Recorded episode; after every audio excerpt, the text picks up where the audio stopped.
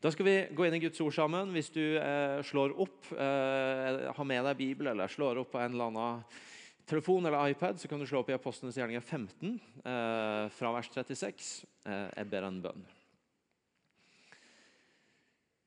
Jesus, tusen takk for at du er her, at du er sammen med oss, at eh, vi får møte deg som fellesskap. Nå eh, ønsker vi å åpne ordet du har gitt oss, og inviterer deg, Hellige Ånd, til å komme og tale til oss åpne ordet for oss, puste liv i det for oss. Eh, og la de ordene som er til den enkelte av oss, og som eh, er ord inn i våre liv, få en spesiell kraft, et spesielt liv. Eh, som gjør at det får betydning, at det får bygge opp, at det får bli til hjelp og kraft for oss alle. Jeg inviterer Det Hellige Ånd til å virke blant oss. Amen. Amen. Oddlaug sa at hun hadde vokst opp med en forståelse av at det var en stor barriere mellom de som var kristne og de som ikke var kristne, og at hun egentlig måtte passe seg litt for my hvor mye hun hadde eh, å gjøre med de som var på den andre sida. Hun snakka også om erfaringa nå av at det kunne oppstå andre typer barrierer, enten det nå var eføyen eller kulturelle barrierer, som skapte avstand mellom hun som tror, og mennesker rundt henne som ikke tror. Eh, noe av det vi har vært utrolig opptatt av eh, over tid i IMI, det er at eh, hvis vi som kirke skal få ha betydning i verden rundt oss, hvis vi skal se mange mennesker berørt av Jesus, så er det nødt til å være en bevegelse hvor det er vi, vanlige folk, ikke noen få med en spesiell gave eller eh, en spesiell arbeidsgiver eller en spesiell rolle, men det er oss alle som er nødt til å være den bevegelsen som tar Jesus ut til verden rundt oss. Vi kan ikke leve med noen av de barrierene å snakke om, eller med en tankegang om at vi må passe oss litt for det der ute. Men vi må hjelpe hverandre og frimodiggjøre hverandre til å leve midt i denne verden, sånn at kirka kan være en folkebevegelse av Guds godhet ut mot mennesker som ennå ikke kjenner Han. Og I apostlenes gjerninger så møter vi eh, kirka som en bevegelse. Vi møter ei kirke som er i utvikling, som er i bevegelse, som kommer til nye steder, som berører nye mennesker med evangeliet, som ser at Guds rike går fram. Og så har jeg lyst til i dag at vi skal stoppe opp i eh, to passasjer i Apostlenes gjerninger 15 eh, og 16, hvor vi i løpet av veldig kort tid møter de første kristne og den, den første kirka på noe av det mest menneskelige og noe av det mest fromme. Og så har jeg lyst til at vi skal reflektere litt over hvordan det Hvis det skal være sånn at jeg og du lever med våre liv i misjon og har en betydning rundt oss, ikke kan være sånn at vi tenker enten nå er jeg i støtet og nå går det bra, og nå er det, nå er det Guds rike som går fram i livet mitt, eller nå er det bare trøbbel og motgang, og nå kan jeg ikke tenke på de Jesus-greiene. Men hvordan disse tingene lever litt om hverandre i livet våre. Og vi, vi må leve i det spennet som er mellom det. I Apostlenes gjerninger 15 så står det altså først en passasje som begynner i eh, vers 36. Vi skal snart se litt nærmere på den, men der er stikkordet at det står at det oppstår en bitter strid mellom Paulus og Barnabas. Altså Midt i dette her, at kirka går fram, at de er på misjonsreiser, at de planter menigheter, så står det at det oppstår en bitter strid mellom to av lederne som er og formidler evangeliet ut. Eh, og Det står at de blir så uenige at de skiller lag. De klarer ikke å finne ut av det. De skiller lag, og de reiser videre hver til sitt. Så I det ene øyeblikket så møter vi noe så menneskelig, en skikkelig konflikt.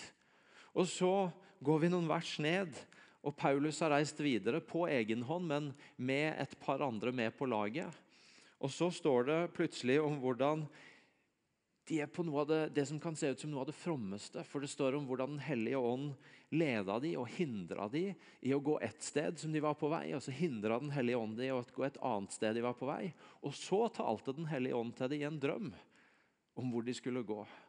Og Da høres det jo plutselig fra å være veldig menneskelig med bitter strid og, og uenighet som gjør at de skilles, så høres det jo plutselig fryktelig fromt ut.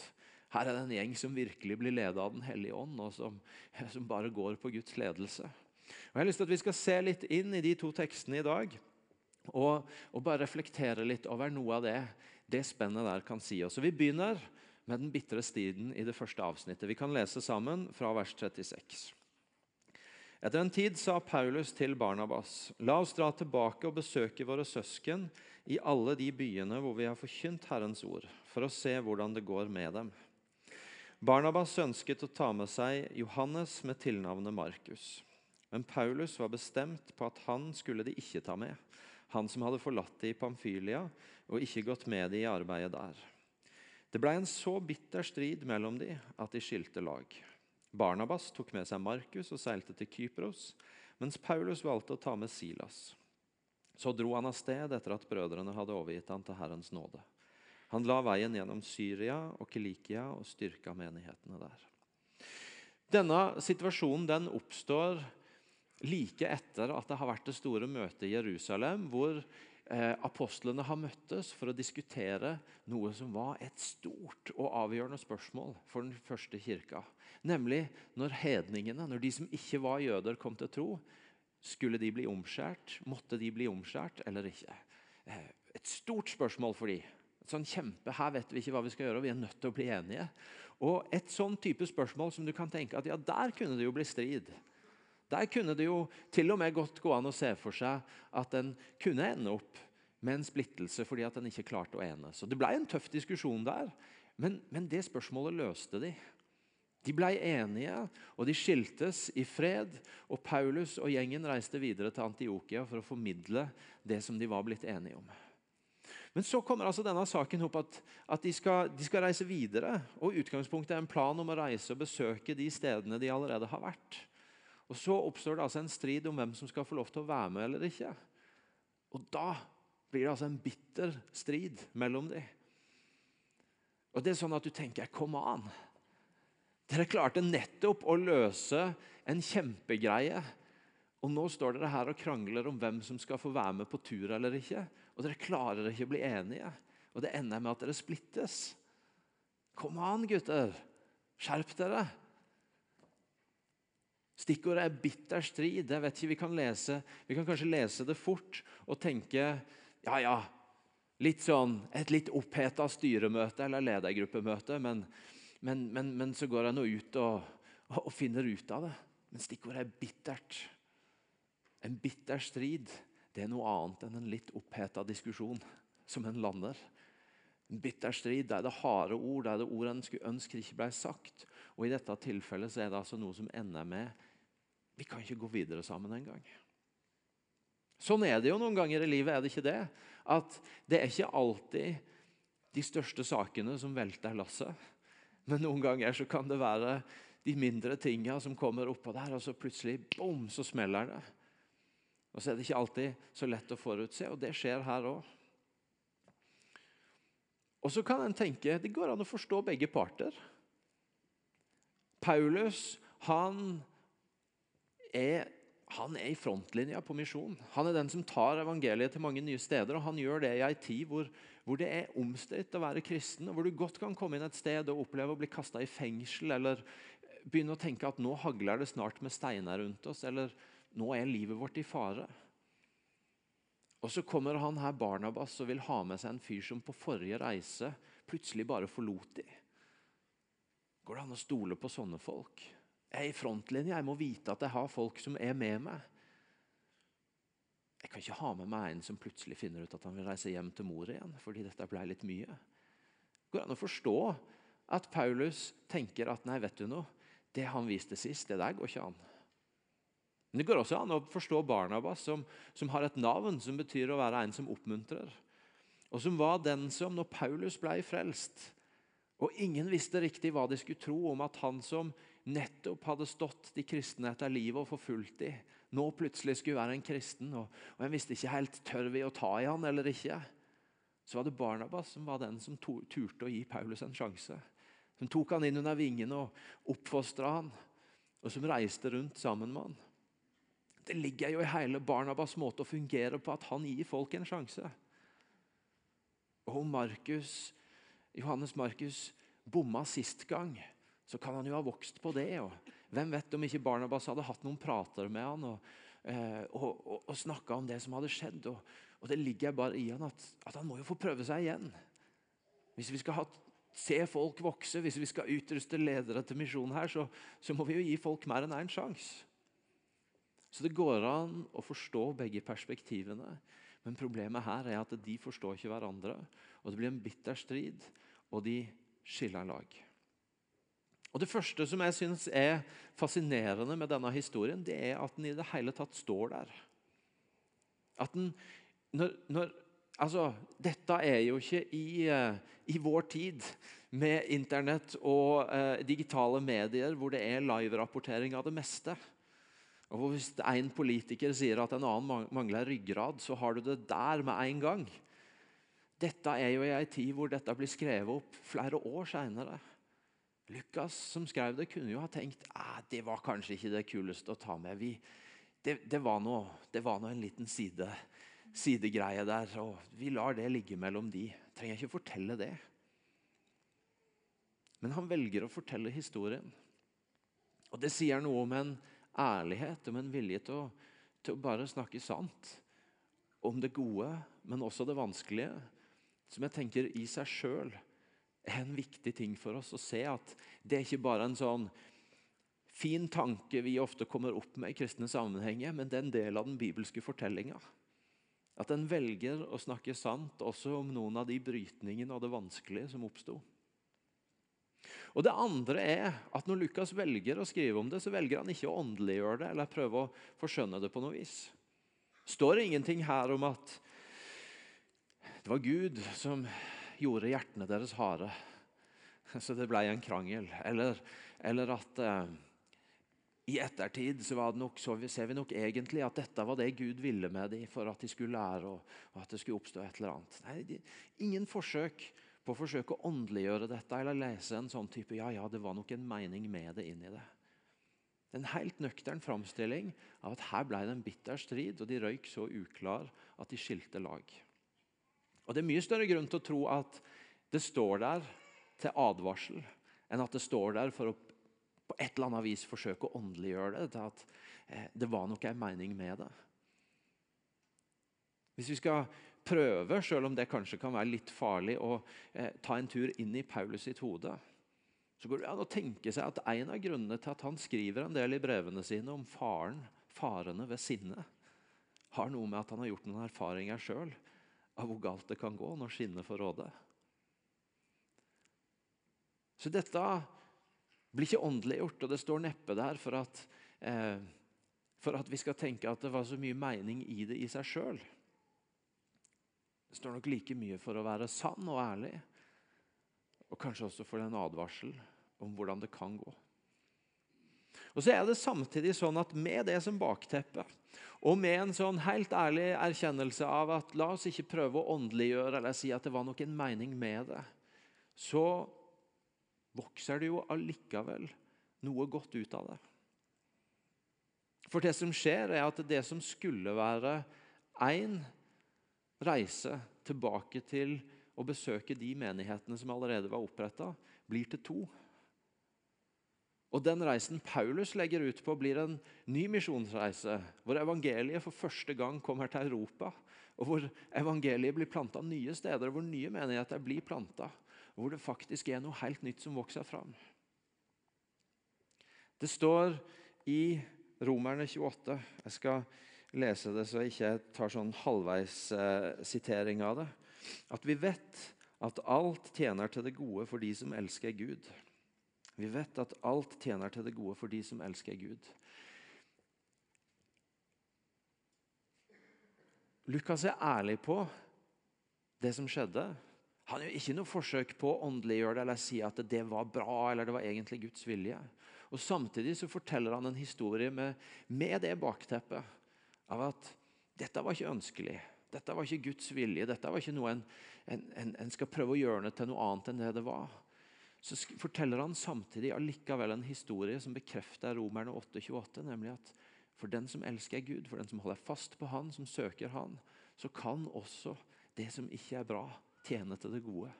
I dette tilfellet ved at én reise for å besøke gamle menigheter blir til to misjonsreiser, og evangeliet kommer til nye steder.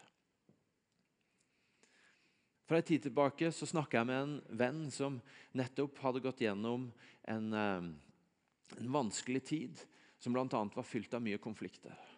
Og Han fortalte ærlig og åpent om det, om forskjellige sider ved det. og Han sa i den fasen så, så prøvde jeg å holde fast i å tenke på tre ting og spørre meg sjøl om tre ting med jevne mellomrom.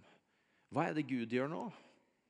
For han opplevde faktisk at midt i det som var vanskelig, og som ikke var ønska, og som han på ingen måte ville prøve å gjøre til noe godt, så gjorde han likevel noe Gud noe nytt i livet hans. Som han fikk lov til å nå leve i noen frukter av. Men han spurte også hva, hva er det mennesket jeg gjør i dette? Hva er det menneskelige i denne saken? Hva, eh, og, han, og, han, var helt ærlig på at jeg har lært noen ting om meg sjøl. Jeg har gjort noen oppdagelser om hvem jeg sjøl er, som jeg har vært nødt til å ta ansvar for. Mitt bidrag til at det blei som det blei. Som jeg har vært nødt til å både bruke tid på og søke vekst på og ta eierskap til. Og Så spurte han også om hva er det djevelen gjør. Han som kom for å stjele og drepe og ødelegge, som vi, vet, som vi vet at vil ha splittelse, vil ødelegge, vil så splid mellom oss.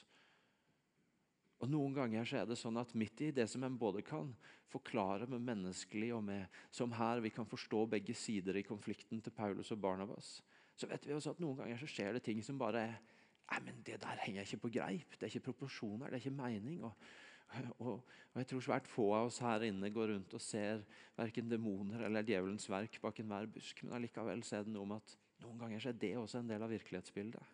At det er en som ønsker å stjele og drepe og ødelegge. Så splid. Det er farlig for oss hvis vi lever i en virkelighet som jeg noen ganger møter mennesker som gjør, hvor det kun er plass til Gud og djevelen. Og hvor det som skjer, enten må forklares med at Gud gjør det, eller med at det er djevelen som står imot. Og så er det ikke plass til den menneskelige delen som gjør at en sjøl tar eierskap og ansvar for, for, sitt eget bidrag og for sitt eget liv. Det kan bli ganske farlig når den linja blir gått langt. Og enhver motstand kommer fra djevelen, og ethvert nytt valg kommer fra Gud. Og det er ikke et rom inni der som handler om at jeg har faktisk helt fra skapelsen av av Gud blitt gitt et ganske stort ansvar for hvordan jeg forvalter det livet Gud har gitt meg. Og det er jeg nødt til å eie. Det er jeg nødt til å ta ansvar for. Det er jeg nødt til å spørre meg sjøl om hvordan jeg forvalter, og hva jeg lærer av de tingene jeg havner oppi, og hva var mitt bidrag til det som rota seg til der.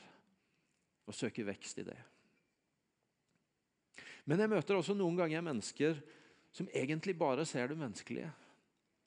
Som går gjennom noe vondt og er enormt sjelegranskende på egne vegne.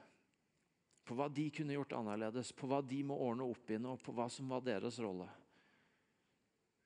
Og så er det ikke noe plass til hva Gud gjør i det. Og Hvis det blir posisjonen en lever i, så, så mister en ganske mye håp. En mister ganske mye perspektiv på at i dette vanskelige, selv om det ikke var godt i utgangspunktet, selv om det ikke ikke skal strø om seg med sånne 'det var nok en mening med det' allikevel, så kan allikevel i det vanskelige, også der, Gud skape noe godt ut av det. Og Hvis du ikke gir rom for det spørsmålet 'hva er det Gud gjør nå?', også i det som er vanskelig, så fratar du deg sjøl et håp, en mulighet, som ikke nødvendigvis snur det, det vonde til noe godt, men som kan skape noe nytt i det som er vondt. Utrolig viktig, også er det vanskelig å gi rom for Gud. Hva det du gjør her? Det trenger ikke bety noen kjappe svar eller enkle svar. Men det betyr kanskje noen ganger bare å bli værende i det spørsmålet. Gi rom for den tanken. Gud, jeg ser det ikke helt, jeg, jeg vet ikke helt, men, men, men, jeg vil gjerne bli holdt fast i. Hva er det du gjør her nå?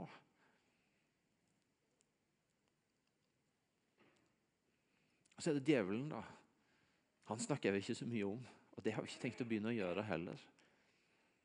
Men det er nok en fare for noen av oss å, å glemme det perspektivet helt. Når Guds ord sier at vi har ikke en kamp bare mot eh, kjøtt og blod, men mot makter og myndigheter. Og Når vi vet at noe av det som sies om han, er at han kom for å stjele og drepe og ødelegge, så tror jeg det er helt rett at vi ikke skal gi han for mye fokus, At vi ikke skal se han bak hver en busk og inn i hver en hendelse. Men for å ta på stab her i IMI, så er det noen ganger vi plutselig bare må stoppe opp og spørre hva, hva er dette her for noe? Når plutselig en opplever spenninger her og der, eller plutselig så er det flere hjem som, som, som står i utfordringer som en bare tenker Hva er dette for noe? Plutselig er det mange som blir syke samtidig.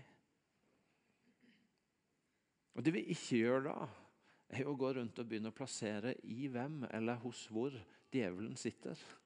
Men Det er jo den farlige sida. Men det vi alltid gjør når det er sånne ting, det er at vi, vi, vi, det første vi gjør, er å si Har du på plass de som ber for deg? Jeg har en sånn regel hvis du jobber hos oss, som jeg vil anbefale for alle, uavhengig av hvor du jobber. det er at Du må ha minst tre forbedere som har forplikta seg på å be for deg. Og Det første vi gjør hvis vi merker at Hæ, hva er det som skjer her nå? Her er det et eller annet. Det er Har vi styr på forbederne? Og Det andre er selvfølgelig bare å søke Gud i bønn sammen. Og Det tredje er å gripe fast i, hans, i noen av hans løfter. Ikke så fokusert på djevelen eller på hvem han er eller hvor han er plassert, men er veldig fokusert på å ta i bruk de tingene vi kan for å søke beskyttelse. Og Det ligger i bønn, det ligger i å slippe det ut i fellesskapet og få den styrken som ligger i å ikke stå alene i det. Og Det ligger i å ta tak i noen av Guds løfter og holde fast i de. Sette de i panna si, klistre de på speilet, lese de, ha de på displayet på telefonen.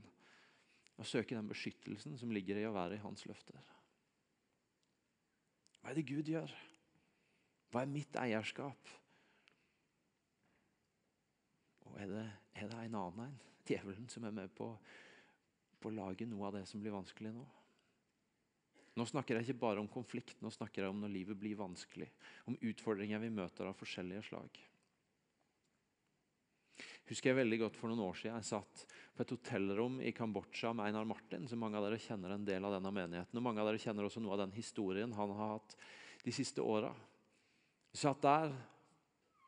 En tid tilbake så hadde sønnen hans Thomas dødd. Rus. Kjempevanskelig. Masse sorg. Det var også andre ting i livet hans som var utfordrende. Og Midt i dette så vokser det opp at Einar Martin får lede mange mennesker til tro her hjemme. Og at Gud på flere hold taler til han om at han, som egentlig ikke har hatt noe ønske om det, skal begynne å være med i noe av det misjonsarbeidet vi står i. At han skal få reise rundt i verden og være med på misjonsting. Og Så sitter vi på hotellrom i Kambodsja, og, og han har fått være med å se Gud gjøre store ting også der. Han har fått være med å be for folk, lede folk til tro. Og så sier han at han bare holder fast i det Jesus sier om at min mat er å gjøre det jeg ser far gjøre. Han, han sier ikke at ja, ja, jeg bruker de siste kreftene jeg har til å, til å tjene Jesus litt òg, men han sier at min mat er midt i dette som er vanskelig, og også få holde fast i at jeg kan være en del av det Gud gjør. At jeg ikke må vente til, til sorgen er over eller alt er ordna opp, men, men at midt i dette vanskelige så er det mat for meg og også få være med på det Gud gjør.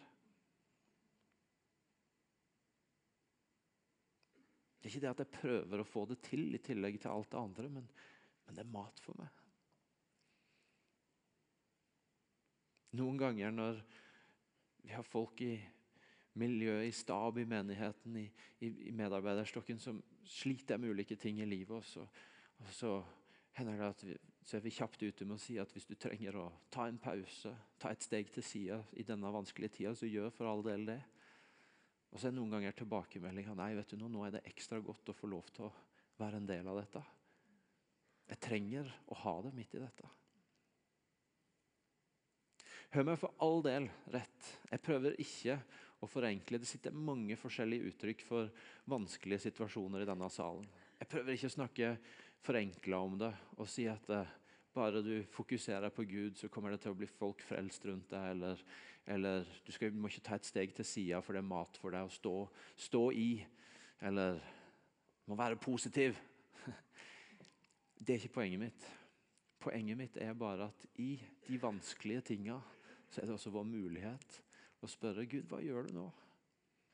Og se at det får være en del av håpet, av lyset, i det som er vanskelig. Og ikke tenke så statisk om det at når det er vanskelig, så er jeg på en måte på sidelinja. Men at i det vanskelige så kan jeg likevel være midt i det. På en eller annen måte. Og så går jo denne historien videre. Paulus reiser, og han møter Timoteus, som blir en ung disippel som blir med han. Og så, eh, eh, og så står det altså, Vi skal lese fra kapittel 16, vers 6. Den hellige ånd hindra de i å forkynne ordet i Asia. Derfor fortsatte de gjennom det frygiske og galatiske området. Da de var kommet nesten til Mysia, prøvde de å dra videre til Betynia, men Jesu ånd ga dem ikke lov. De dro, gjennom, de dro da gjennom Mysia og kom ned til Troas. Om natten hadde Paulus et syn.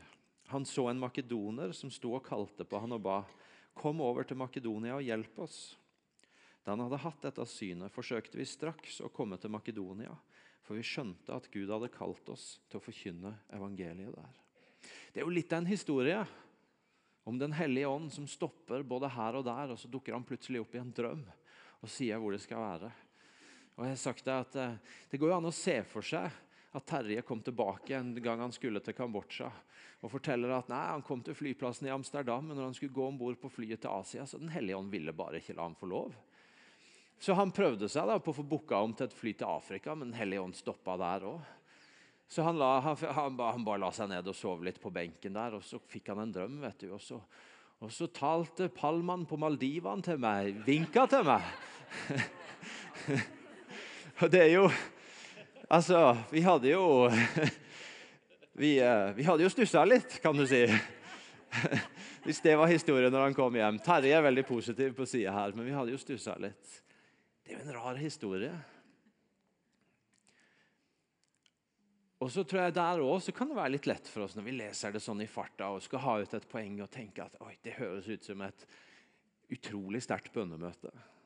Hvor de satt sammen og ba om hvor, hvor de skulle nå. Og så, og så tenker den ene litt på ett sted, men så taler Den hellige ånd så sterkt at nei, det er ikke dit vi skal. Og så, og så begynner de å tenke litt på et annet sted, og så taler Den hellige ånd så sterkt nei. Men så når de har bedt så lenge at de har sovna, så dukker Den hellige ånd opp i en drøm. Og så, og så vet de hvor de skal. Men det er jo ikke det som skjer her. Det som skjer her, er at de er på veien, de er i bevegelse. Og mens de er ute og går, mens de er underveis, så står det at Den hellige ånd stopper de, og Vi vet ikke helt hvordan det skjedde, og hvordan han gjorde det, og, og i hvilken grad det var et syn eller en fornemmelse eller en konkret hendelse.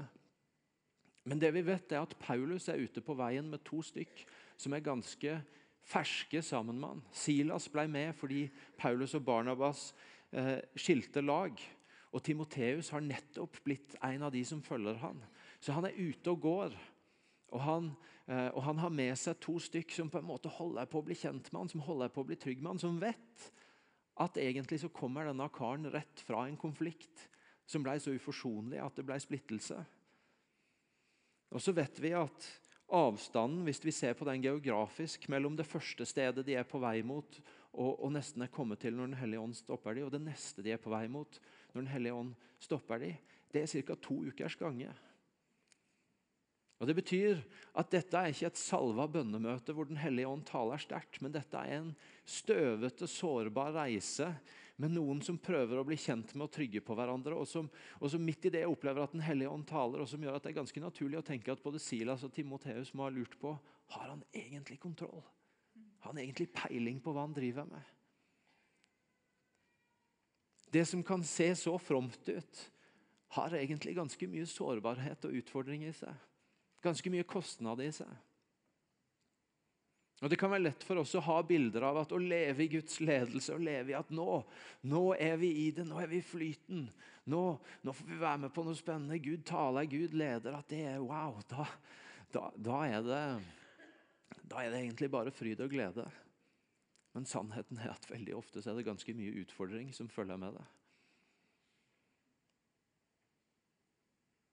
Frukten av at de velger å stå i denne prosessen, at de velger å tåle sårbarheten og støvet og utfordringa, er jo at de kommer til Filippi, og at de får se mennesker frelst der. Og at de, får nye utfordringer, for de havner i fengsel, men så får de se Gud gripe inn der òg. Men de lever ikke i en sånn forenkla virkelighet av at nå var det vanskelig å stride, og, og nå var Den hellige ånd sterkt med, og, og, ledelse og framgang. Men også i En hellige ånds ledelse så er, det, så er det ganske utfordrende å leve. Det er en ledelsesekspert i USA som heter Sam Chan, en, krist, en kristen fyr som uh, sier, uh, jobber mye med kirker og sånn, og som sier at uh, etter å ha holdt på med dette i flere tiår, så sier han at jeg har coacha ledere over, uh, over, hele verden og, og, i mange mange forskjellige settinger. Og jeg har egentlig kommet ned til én ting, én ting som skiller. Og Det er at rekkevidden av det de holder på med, kan skrives tilbake til smerteterskelen deres. Hvor mye utfordring og smerte de er villige til å bære. Det kan godt hende at det er en forenkling. jeg vet ikke, Poenget er ikke, poenget er ikke det i seg sjøl, men jeg syns det er et perspektiv som er utrolig interessant. Nemlig at vi snakker så lett om framgangen og det fine, men bak det er det en vilje til smerte, til utfordring, til å bli stående i ting. Noen ganger når vi snakker om ting som vokser fram, og som vi feirer og ser her på huset i lederteam og andre ting, så, så har vi bare måttet ende opp med konklusjonen at vekst det betyr nye problemer. At det vi egentlig har lyst på, det vi egentlig ber om, det vi egentlig leter etter, ja, det betyr bare nye utfordringer og nye problemer. det. Og det er folk i denne menigheten som har tatt tøffe valg fordi de har opplevd Guds tiltale på det.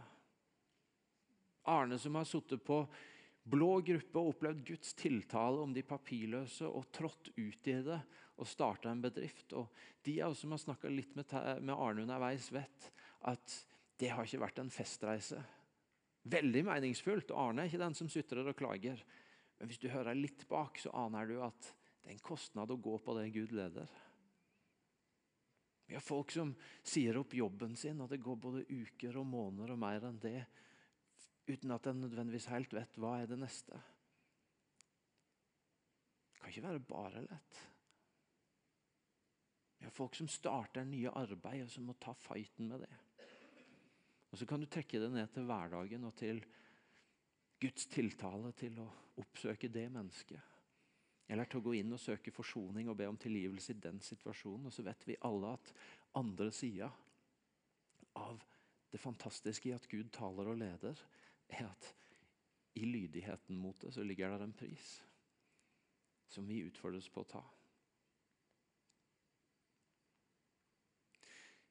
I disse versene her så er det noe med at det å leve i Guds bevegelse, det å være en folkebevegelse hvor vi alle lever i misjon, det er ikke sånn at enten så går det dårlig og du er utafor, eller så går det, på, går, det, går det, bra og du er i i strømninga, og alt går flott. Det er ikke svart-hvitt, det er ikke enten-eller, men det er heller ikke grått. Det er heller ikke litt av hvert. Men det er det å leve i denne spenninga. Det er det å våge paradokset, det er det å tørre å stå midt i det vanskelige og også ha et blikk på hvor er du og hva gjør du i dette, Gud. Og det å stå i opplevelsen av at Gud er nær og taler, og ikke gi seg når opplevelsen går over, men å handle også når det koster i etterkant. Det er muligheten for oss alle, det er utfordringa til oss alle. Og det er utfordringa til meg og du, tror jeg, fra Guds ord i dag. Skal vi reise oss opp og be sammen?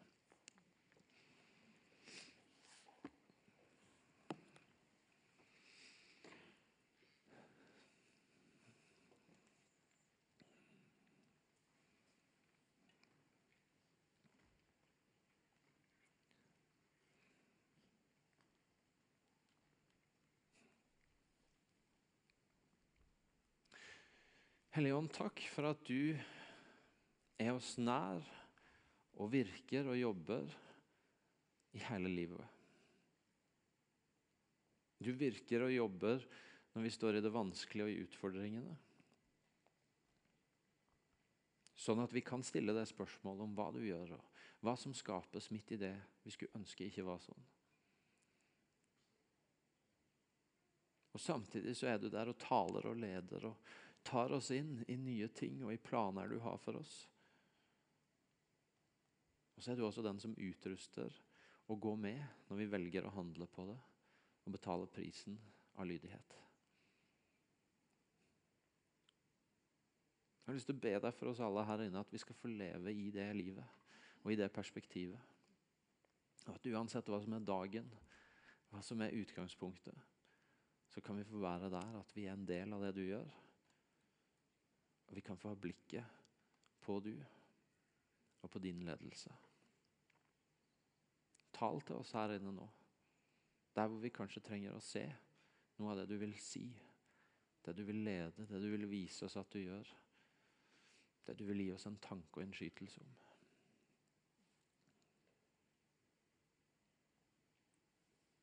Og gi oss mot til å gå, at vi våger å trå ut i det støvete og det sårbare og det som det er en pris ved.